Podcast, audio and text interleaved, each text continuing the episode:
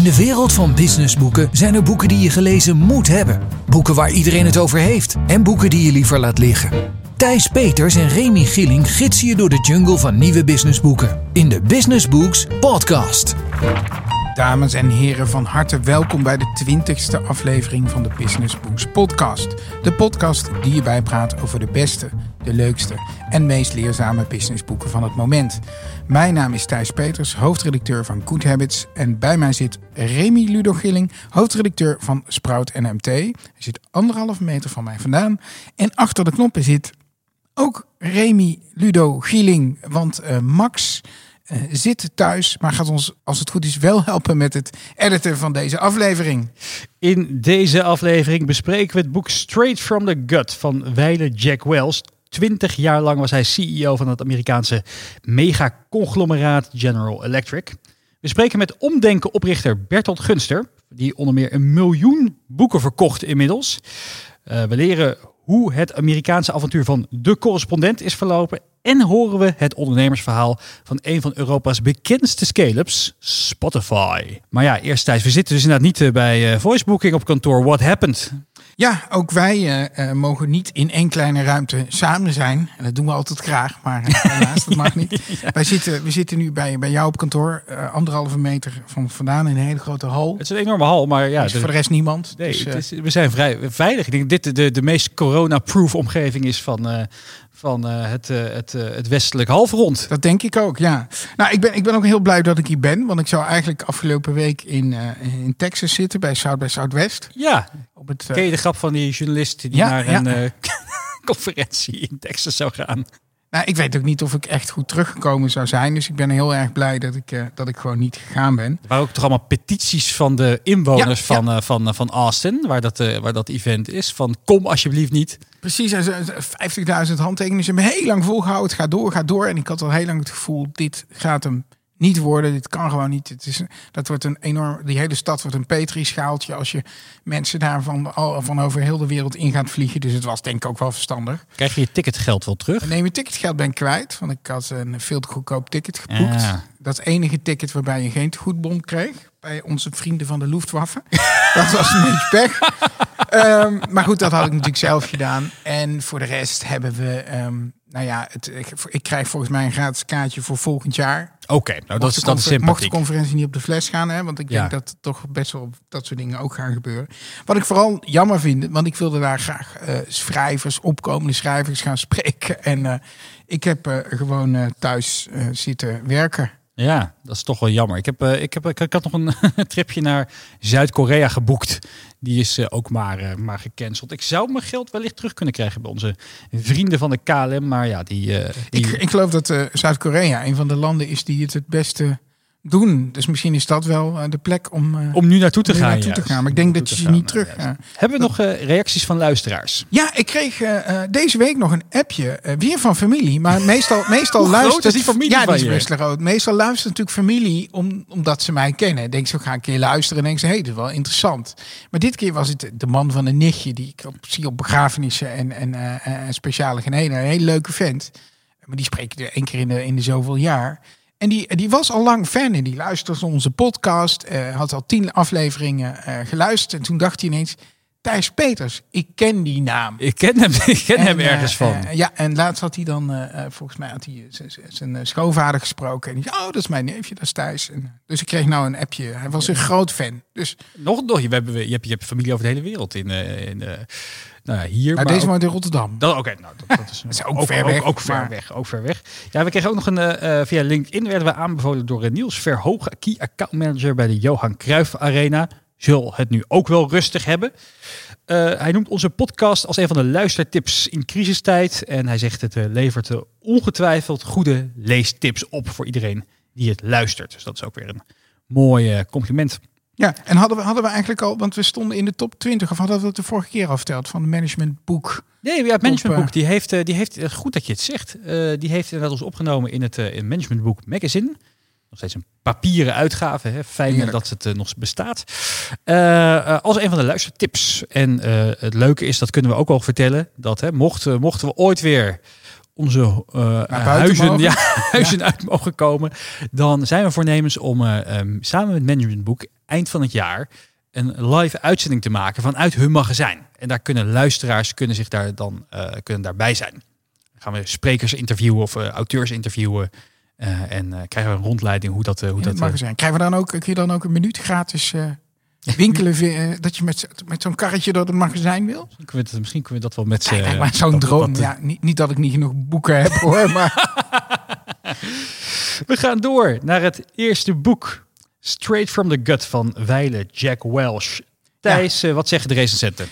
It doesn't matter whether you love or hate Jack Welsh. Who can resist hearing the man tell his story? Publisher Weekly. En ik heb er nog eentje. Straight from the Gut doesn't live up to its billing. Hij kreeg namelijk 7 miljoen als voorschot van de uitgever destijds. In it, Mr. Wells tells his life story and describes the vision that made GA perhaps America's most successful large traditional corporation, as opposed to new economy upstarts like Microsoft. Uh, dit is een hele oude reactie, dat, dat lees je al, ja. hè, want Microsoft een upstart noemen. Uh, het boek is natuurlijk al wat ouder, maar de aanleiding om uh, iets mee te doen is natuurlijk dat Jack Welch overleden is op 1 maart mag, mag nog van dit jaar. Ja, Mag ik nog één mooie recensie toevoegen die ik had gevonden? Oh ja, sorry, die, die van die, Warren Buffett of Ja, niet? die is cool. Jack is de Tiger Woods of Management. Warren Buffett. Uh, Thijs, wie is die Jack Welch eigenlijk? Want hij is in Nederland minder bekend. Hij werd volgens mij in uh, eind van de vorige eeuw... werd hij uitgeroepen door Fortune Magazine tot de Manager of the Century. En ik denk dat hij dat ook wel is. Ik denk dat hij is de glamour CEO... Uh, die eigenlijk een beetje symbool staat voor het kapitalisme aan het einde van de vorige eeuw. Hij is de man die dat toen op een hele moderne manier deed. En hij was CEO van General Electric. Dat is niet zo'n heel bekend bedrijf in Nederland. In Amerika, een van de giganten. Ze maken uh, plastic broodroosters, lampjes. een beetje de Amazon van hun tijd. Alles. Ja, maar zij maakten ook alles. Hè. Ze waren een soort manufacturer. Manufacturer, echte manufacturer. Maar onder zijn leiding is het ook een financieel conglomeraat geworden. En nou ja, waarom hij beroemd is, hij was CEO en chairman van 1981 tot 2001. En uh, de beurskoers van het bedrijf is met 3000 procent gestegen onder zijn leiding. En uh, de omzet steeg van 26,8 miljard naar 130 miljard. Maar ja, ze, ze noemden hem volgens mij ook wel een, iets van nuclear jack. Omdat hij op een gegeven moment heeft hij er in een, in een crisistijd eventjes 100.000 mensen uitgeroust. Ja, nou ja, dit, dit boek, Straight, Straight from the Gut, uh, dat is eigenlijk zijn autobiografie. Die heeft hij met hulp van een journalist opgetekend. En dat begint met zijn arme jeugd in Salem, Massachusetts. Hij was een uh, Ierse volksjongen. Zijn vader was conducteur. Hij was enig kind van wat oudere ouders al. En zo, hij, hij vertelt zijn hele verhaal. Hoe die, uh, hij werd uh, chemisch ingenieur, promoveerde. En toen kwam hij bij General Electric terecht. En hij was daar, naar eigen zeggen, altijd een beetje buitenbeentje. Een ingenieur die meer geïnteresseerd was in verkopen dan in chemische processen. En in 1981 werd hij uiteindelijk de, de, de CEO. En in de eerste vijf jaar heeft hij uh, 100.000 mensen ontslagen. En ze noemen hem een neutron jack, want de oh, neutronenbom is zo'n bom. Hè, de waterstofbom is dat voor ja. Die gaat af en alles wat, alle gebouwen blijven staan, maar alles wat leeft gaat dood. En eh, je had al die gebouwen en fabrieken van General Electric waar geen mensen meer werkten, omdat hij ze allemaal had ontslagen. Daarom heette die uh, Neutron Jack. Het was een hele goede manager in die zin. Hij heeft de Six Sigma Lean ingevoerd in die bedrijven. Vandaar dat het zo succesvol uh, uh, werd. En alleen de grote trieste was, dus General Electric was een enorm succes. Maar na zijn vertrek is het echt bergafwaarts gegaan met uh, GE. Met name ook uh, omdat hij heel veel geïnvesteerd had in, uh, in financials. GE Capital was bijna geloof ik de helft van de omzet op een gegeven moment. En dat is in de financiële uh, crisis totaal down the drain gegaan. Dus onder Jeff Immelt, zijn opvolger die die speciaal had uitgekozen, is het eigenlijk heel erg slecht gegaan met het bedrijf. Beurswaarde gehalveerd. En, en dat is ook wel een beetje achteraf aan hem te danken, omdat hij ja, omdat hij alles maar kocht en deed. En, en dat kon in de jaren negentig, maar in, uh, in, in de jaren 10 en 20 was dat niet de beste, de beste optie. Um, wat, wat kunnen mensen nu van hem leren? Want het is wel een beetje uh, leiderschap uit de vorige eeuw.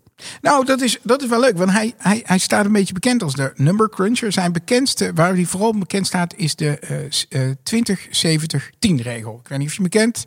Nee. Dat heeft uh, wel eens uitgevonden. Elk jaar ontsloeg hij 10% van zijn slechts presterende managers. Die gingen er gewoon uit, elk jaar. Dus het ging niet of dat individu slecht is, gewoon de, de 10% ging daaruit. Ja. Uh, uh, en de 20% die het beste uh, presteerde, die kregen enorme bonussen. Die werden in de watten gelegd met van alles. En die 70% die moest maar hard zijn best doen om bij die 20 te komen, anders kwam je bij die 10. Nou, dat is natuurlijk een hele onpopulaire boodschap. Daar werd hij heel erg bekend op, naast Neutron Check. Maar eigenlijk doet hem dat ook niet heel veel recht. Want hij was eigenlijk ook een van de eerste die het belang van HR echt inzag. En ik heb een mooi citaat. Uh, wat hij ooit zei, zei van, uh, over het belang van CFO's. Hij zei: It's the guy that chooses the people in the field that is more important, not the guy that keeps the score. Dus de CFO was eigenlijk minder belangrijk dan HR-man. En hij, had ook, hij was een knetterharde manager, maar hij zei ook altijd: You have to know when to kick and when to hug. Ik denk dat er heel veel in dit boek zitten, heel veel managementlessen die, je, ja, die nog steeds opgaan. Dat mensen belangrijk zijn. Dat je, dat je niet alleen naar cijfers moet kijken en dat soort dingen. Van de andere kant is het ook wel een dinosaurus. Want ik vond nog een uh, opmerking hem, uh, van hem over global warming. Global warming is the attack on capitalism that socialism couldn't bring. Het was een uh, mass neurosis en het was allemaal onzin. Maar, zei hij, uh, uh, toch moet een bedrijf als bijvoorbeeld GE maar groene producten gaan maken. Want als de markt het wil, ook al is het onzin, dan moeten we het gewoon gaan en, leveren. En ja. waar visionair. Voor wie is dit boek? Voor wie is dit boek? Nou, het is voor iedereen die geïnteresseerd is in bedrijfsgeschiedenis, maar ook wel in management. Want ik denk dat heel veel dingen van uh, Jack Wells, zeker op personeelgebied, wel interessant zijn. Want die 70, 10, 20 klinkt keihard. Ja. Maar als je kijkt naar de praktijk, is het toch vaak wat je wel moet doen als bedrijf. Nou ja, en zeker met de, ja. de crisis voorhanden. Hè. Ik denk dat er toch wat mensen uh, het, het, het, veld moeten ruimen in de komende periode. Ja. Uh, misschien kan je daar wat van leren wie, uh, wie wel en wie niet te behouden. Voor je, je eigen neutronenbom. Oh ja, word je eigen. Word je... nou, wanneer, alle tijd. ik heb het al wandelend gedaan. Ik, had, ik heb zo'n proefaccountje genomen op Audible. Dan oh, ja. het gratis downloaden als audioboek. Lijkt me een tip. Dus Goeie kopen. Tijdens je rondje lopen. Ja, ja goed precies. Goed ja, je moet toch bewegen. naar buiten. Ja. Kopen of krijgen, je zou nemen gratis proefaccount. Als je die nooit had, kun je ook een hoop ja. uh, luisterboeken doen. Ja.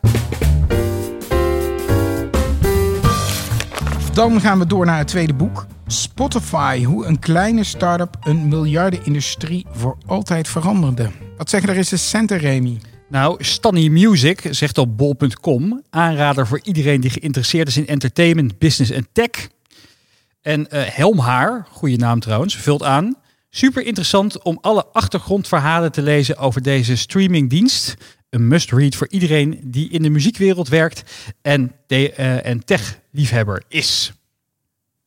Dat zijn hele mooie woorden. Um, is, is dit een soort geautoriseerde biografie, net als het boek van Welsh? Of is dit... Uh... Nee, uh, eigenlijk helemaal niet. Het gaat heel erg over oprichter Daniel Eck. En in mindere mate over zijn co-founder Martin Lorenzon. Uh, maar die zijn niet gesproken voor dit boek. Dus uh, de journalisten het zijn uh, Sven Carlsen en Jonas Jijhoelvoet. Nou, je, je, je raadt al waar ze vandaan komen. Ja, ja uit het thuisland ja, Zweden. Uit het thuisland ja. Zweden. Die, die, die, die, die hebben gewoon met heel veel mensen gesproken in en om het bedrijf. En het is wel een, een, een grappig verhaal inderdaad. want je komt ook te weten waarom Spotify nou eigenlijk in Zweden is opgericht. Want Zweden is eigenlijk de thuishaven van de muziekpiraterij. Uh, de, de torrentsysteem is daar ja. uitgevonden. De, de, de, de, de Pirate Bay Pirate komt Bay er vandaan. ook, ja. ja. ze hebben de, de, de, de, de, de. Uh, de Pirate Party in de, in de, zelfs in het Europees Parlement zit ze volgens mij tegenwoordig. Komt, heeft daar zijn oorsprong. Dus de Zweden waren wel een uh, anarchistisch volkje als het kwam op bestandsdelingen in de vroege jaren. En Daniel Eck was gewoon een soort tech-ondernemer. Was, ja, we kennen toevallig wat goede mensen. En die had dus het idee van, dit, dit moet anders kunnen. En hij had net het goede moment dat hij met het idee kwam om een uh, muziekstreaming dienst op te richten. Want in Zweden had ze al heel snel, uh, heel vroeg, uh, broadband internet. het is nog opgericht in de tijd dat, eh, dat de mobiele telefoon, de, de iPhone was er nog niet. Hè. Die kwam pas, eh, die kwam pas later. En de ABBA was nog populair. Ja, wel was nog populair. Maar eh, eh, eh, het verhaal schrijft inderdaad het, eh, van, van, van de aller, aller begin, eh, de begindagen. Toen, eh, toen het nog bestond uit, een, eh, uit, een, eh, uit twee mannen en een paardenkop. Tot, eh, tot eigenlijk eh, eh, vlak, vlak na de beursgang in 2018 was dat volgens mij. Kijk, wij, wij kijken vaak naar Spotify als, als hè, iedereen heeft hier wel een abonnementje erop. Ik weet niet, ik denk dat je thuis ook wel eentje Ja, hebt. en eh. zo'n gezinsabonnement. Ja, precies. ja. Alleen wat veel mensen niet weten is dat dat bedrijf echt ook weer honderd keer op, op een haar na mislukt of failliet is gegaan. En het, het, het is vooral een verhaal over, over de struggles die het bedrijf heeft gehad. Ze hadden een geweldige techniek. De software werkte beter dan welke software ter wereld dan ook. Alleen ja, ze moesten eh, licentiedeals afsluiten met die Ja. grote muziekaanbieders. Universal, Sony, eh, EMI. En dat lukte in eerste instantie in Europa wel. Want ja, hier is de muziekindustrie toch iets kleiner dan in Amerika. Alleen toen ze wilden gaan opschalen naar Amerika, bleek het gewoon heel erg lastig te zijn om eh, daar een voet tussen de deur te krijgen. En dat kwam mede omdat eh, Steve Jobs daar fel op tegen was. Steve Jobs die had, eh, die had, die had iTunes, hè? Dus die wilde iTunes die had eigenlijk al de muziek gered van de piraterij, vond hij zelf. Dan kon je per nummer kon je afrekenen. En Spotify kwam in één keer met een gratis dienst, want dat hadden ze toen al. De, grote visie was, je hebt een gratis dienst, die wordt betaald op basis van, van, van, van advertenties. En je kan upgraden naar premium. En, eh, en Steve Jobs was maar aan het bellen en aan het bellen met die platenbazen. En dat is nooit helemaal bewezen, maar dat het vermoeden is zeer groot. Om er tegen te houden dat er een gratis dienst naar Amerika zou komen. Hij zei, als je jullie hiermee in zee gaan, dan maak je je eigen industrie kapot. Dus het is ook een groot gevecht geweest tegen de muziekindustrie en tegen Apple uiteindelijk. En het grappige is ook, die Daniel Ek heeft tegen meerdere mensen gezegd dat Steve Jobs hem ooit heeft opgebeld. Ja. Maar dat is nooit bewezen. En eh, die man schijnt ook nog wel eens wat gebakken lucht te verkopen. Dus de, de auteurs stellen ook de vraag of dat inderdaad ook echt gebeurd is. Nou ja, maar van, van, de, van de andere kant kun je wel stellen dat, dat uiteindelijk heeft Apple nou met Apple Music gewoon het Spotify-model moeten kopiëren. Dus, Ja, dus zij Ze hebben Beats gekocht hè, van de Jimmy Iovine, Ja. de grote Ja. eh, We roepen altijd dat, dat Steve Jobs de allergrote visionair was. Maar hier had, was hij de behoudende traditionele partij die je Ja, discuteert. hij, hij, was de, hij was de lekkerd eigenlijk op dit gebied. Ja. Het was een geweldige documentaire. Iedereen aanraden eh, eh, over The Beats by Dr. Dre op, op Netflix. Je hebt nu toch alle tijd. Ja. Gaat over, over die aankoop van, van, van, van Apple, van, van Beats door Apple. Hey, hey, maar de, de toekomst van Spotify. Het is toch een beetje een Europees knuffelkindje. Hè? En Ja. wij- Wij hebben ook een groot internationaal eh, eh, bedrijf eh, op, in, de, in de tech-industrie. Maar kunnen zij het erbij. overleven nu? Met, met, nu Apple natuurlijk ook vol gaat op streamingdiensten. Nou, ze hebben het denk ik ongelooflijk moeilijk. Hun gratis accounts kosten ze ongeveer een dollar per maand. En het gaat over echt miljoenen. Dus het geld spuit eruit. En dat maakt het boek ook niet helemaal af. Omdat het, het, het stopt dus een beetje na de beursgang. En de laatste alinea, die zal ik even voorlezen. Daar bekruipt ook gewoon een beetje het gevoel bij van ja, en nu? Het, het voelt alsof het verhaal niet af is. 13 jaar na de lancering is Spotify nog steeds een onrendabele muziekapp met Apple als belangrijkste concurrent. De marges zijn klein, er is constant behoefte aan nieuwe investeringen. Maar het bedrijf staat nog in de kinderschoenen. Een beetje een... Na eh, 260 pagina's denk je toch van, ja, is het een beetje, en dan kom je een beetje van een koude kermis thuis. Maar het is wel een mooi scale-up verhaal. Zeker. Ik, eh, ik, ik moet ook zeggen, ik zou, zou het jammer vinden als zij ten onder gaan. Ja, ik En dat Apple overblijft. Dus eh, ik, eh, ik lever mijn Spotify zeker nog niet in. Nee, ik hou ook mijn abonnementje aan. Hey, voor, voor wie is dit boek? Mensen die smullen van muziek en business. Wanneer moet je het lezen? Nou, ik zou lekker die Spotify playlist aanzetten. Daar gaat het ook heel groot over. Over hoe ze die zeg maar met, met, met artificial intelligence de mooiste playlist kunnen samenstellen op basis van jouw moed. Glaasje wijn erbij. En eh, even lekker. eh, eh, je zet op Spotify dat haardvuurtje aan. Als je geen haard thuis hebt.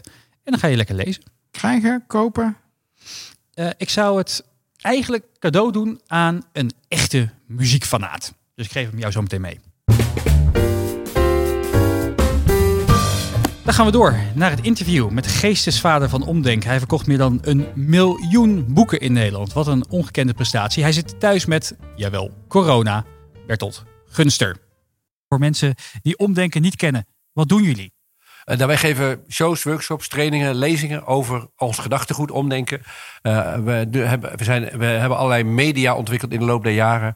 Uh, waarin we mensen helpen om problemen in mogelijkheden om te denken. En, en wat fascineerde je aan het oplossen van problemen? mijn moeder is nogal heel erg van ja maar. Allemaal wat er niet kan, beer op de weg. Zo, voortdurend in paniek. En, en heel erg conservatief. ongelooflijk bang voor verandering. Heel erg bezorgd over ons, ons als zoon en dochter ook. Ik, ik en mijn zus. Mijn moeder is gewoon ja maar. En als kind heb ik moeten leren om ja, daar een soort tegenwicht tegen te vormen. Dus ik ben noodgedwongen, zeg, heb, ik, heb ik allerlei strategieën ontwikkeld hoe je met, met zo'n ja maar houding om kunt gaan. En als kind irriteerde mij dat en als puber, maar later ook. Dat als mensen voortdurend denken in termen van wat het allemaal niet kan. Ja, dat schiet natuurlijk niet zo op. Dan, uiteindelijk zit je dan thuis en doe je helemaal niks. In, in je trainingen, in je lezingen, in je boeken probeer je mensen handvaten te geven met verandering om te mhm. gaan. Mm -hmm. Of om daar, uh, om daar een positieve draai aan te geven. Ja, ja. Hoe kunnen mensen dat doen? Nou, het begint ermee dat je uh, accepteert dat je sommige dingen nou eenmaal niet kunt veranderen. En we zitten nu midden in de coronacrisis. Dat is een goede leerschool. als, je, als je het wil leren, leer het nu. Er komt bijna geen betere gelegenheid dan om te leren te accepteren dat je geen invloed hebt dan deze periode. Eigenlijk is dit de mooiste mindfulness cursus die we met z'n allen hebben. Hè? Gratis. Nou, gratis. Kost heel veel.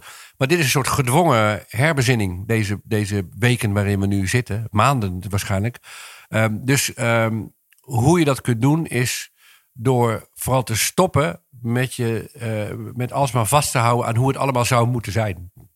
om te beseffen dat je allerlei beelden in je hoofd hebt hoe het zou moeten zijn. En dat noem je dan doelen of uh, dingen die je graag wil of passies. Maar als die dingen gewoon niet realiseerbaar zijn, als ze in strijd zijn met de, met de feiten, dan zijn die doelen frustrerend. En wat helpt is dat dan loslaten. Loslaten dat je sommige verwachtingen hebt over het leven die alleen maar frustrerend werken. En laat ze los. En dat geeft rust en ruimte. En dan lijkt je iets kwijt te zijn, een, een doel of een illusie of een hoop. Maar op het moment dat je die frustratie kwijt bent en kijkt naar wat er is. Uh, en daar echt naar kijkt, vaak kun je dan, heel erg vaak kun je dan juist iets van maken. Juist door je erbij neer te leggen. Het, klinkt heel makkelijk, maar kan, kan je eens een voorbeeld geven van een, van een van de van een veelgevraagd zakelijk probleem wat je tegenkomt? Nou, wat ik een leuk in, inzichtelijk voorbeeldje vind, is: uh, stel je voor, je bent een groenteboer, je staat op de markt.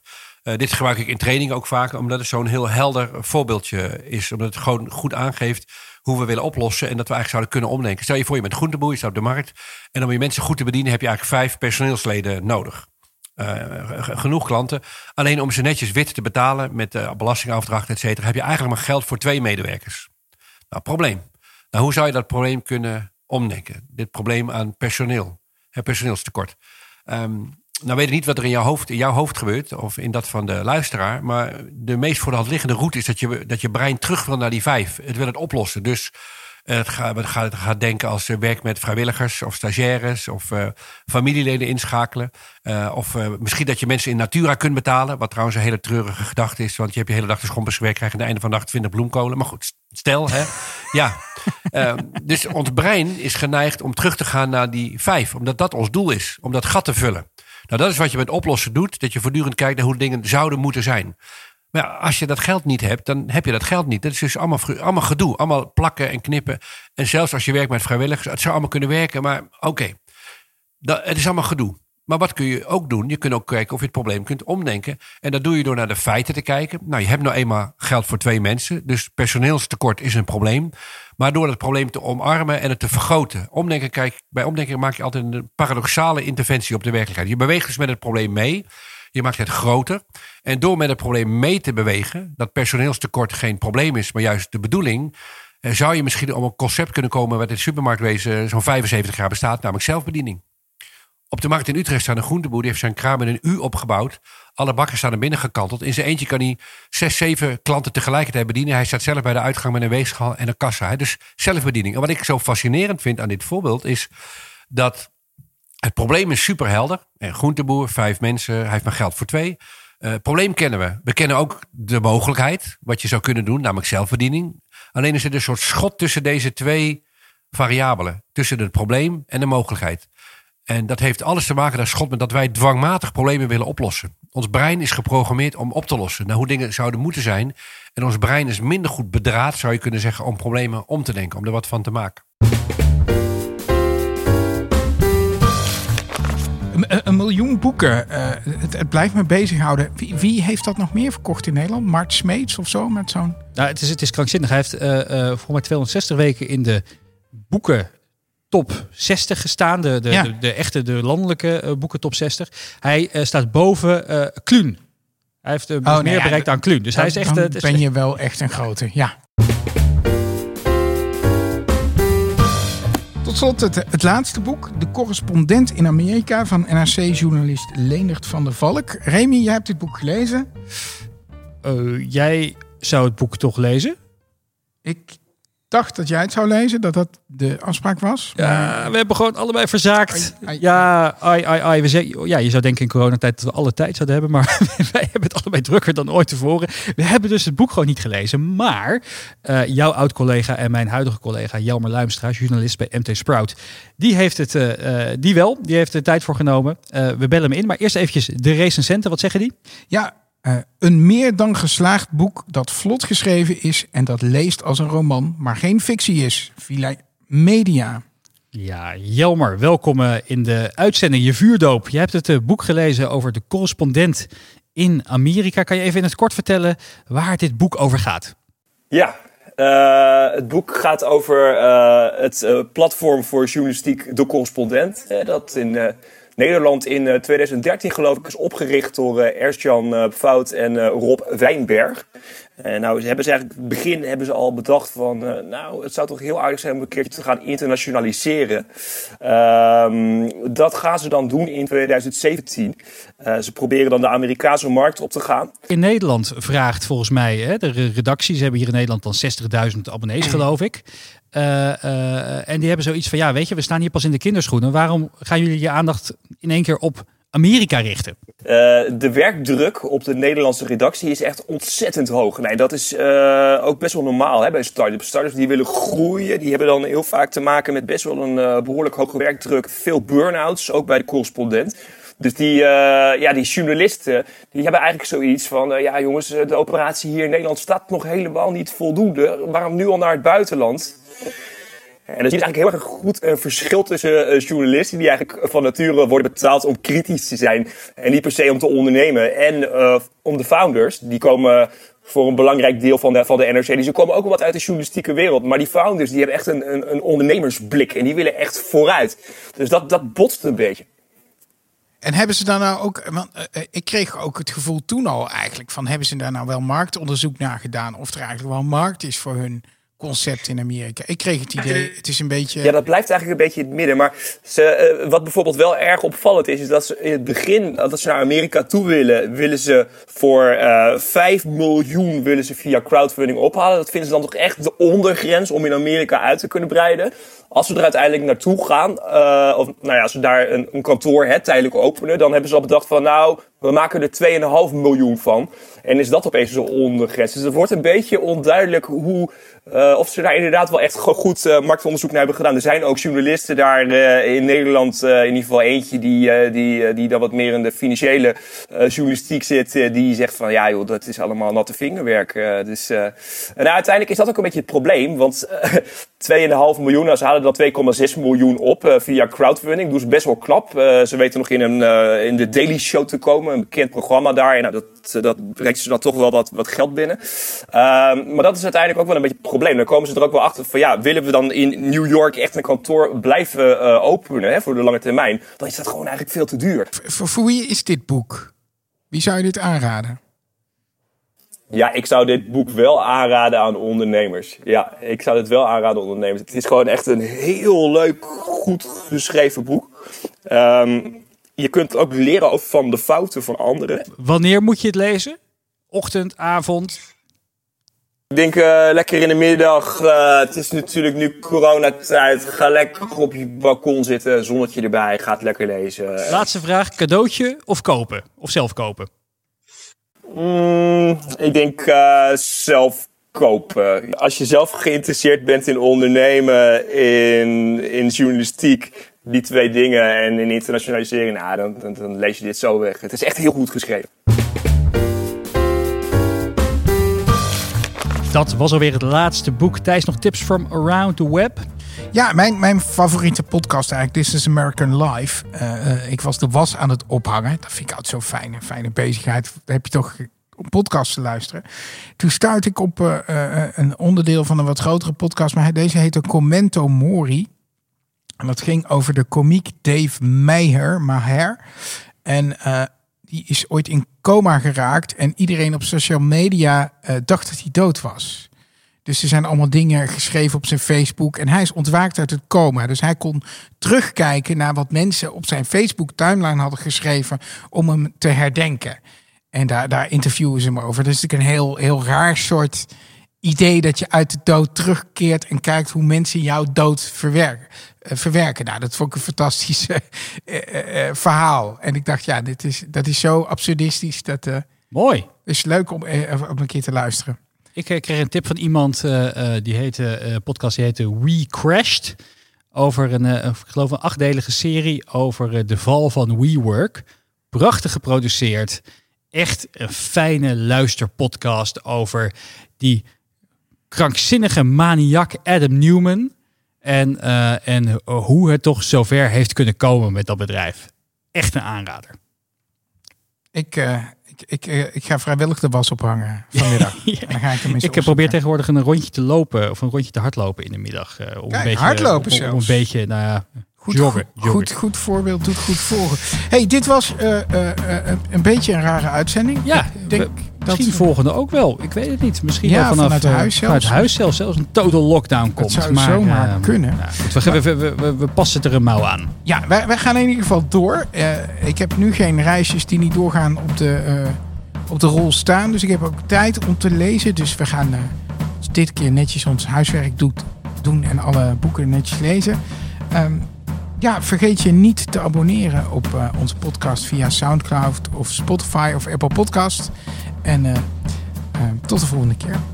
Tot zover de Business Books Podcast. Meer afleveringen luisteren? Abonneer je via iTunes of Soundcloud en krijg een melding wanneer er een nieuwe aflevering live gaat. De Business Books Podcast is een uitgave van Sprout en Management Team en wordt geproduceerd door voicebooking.com.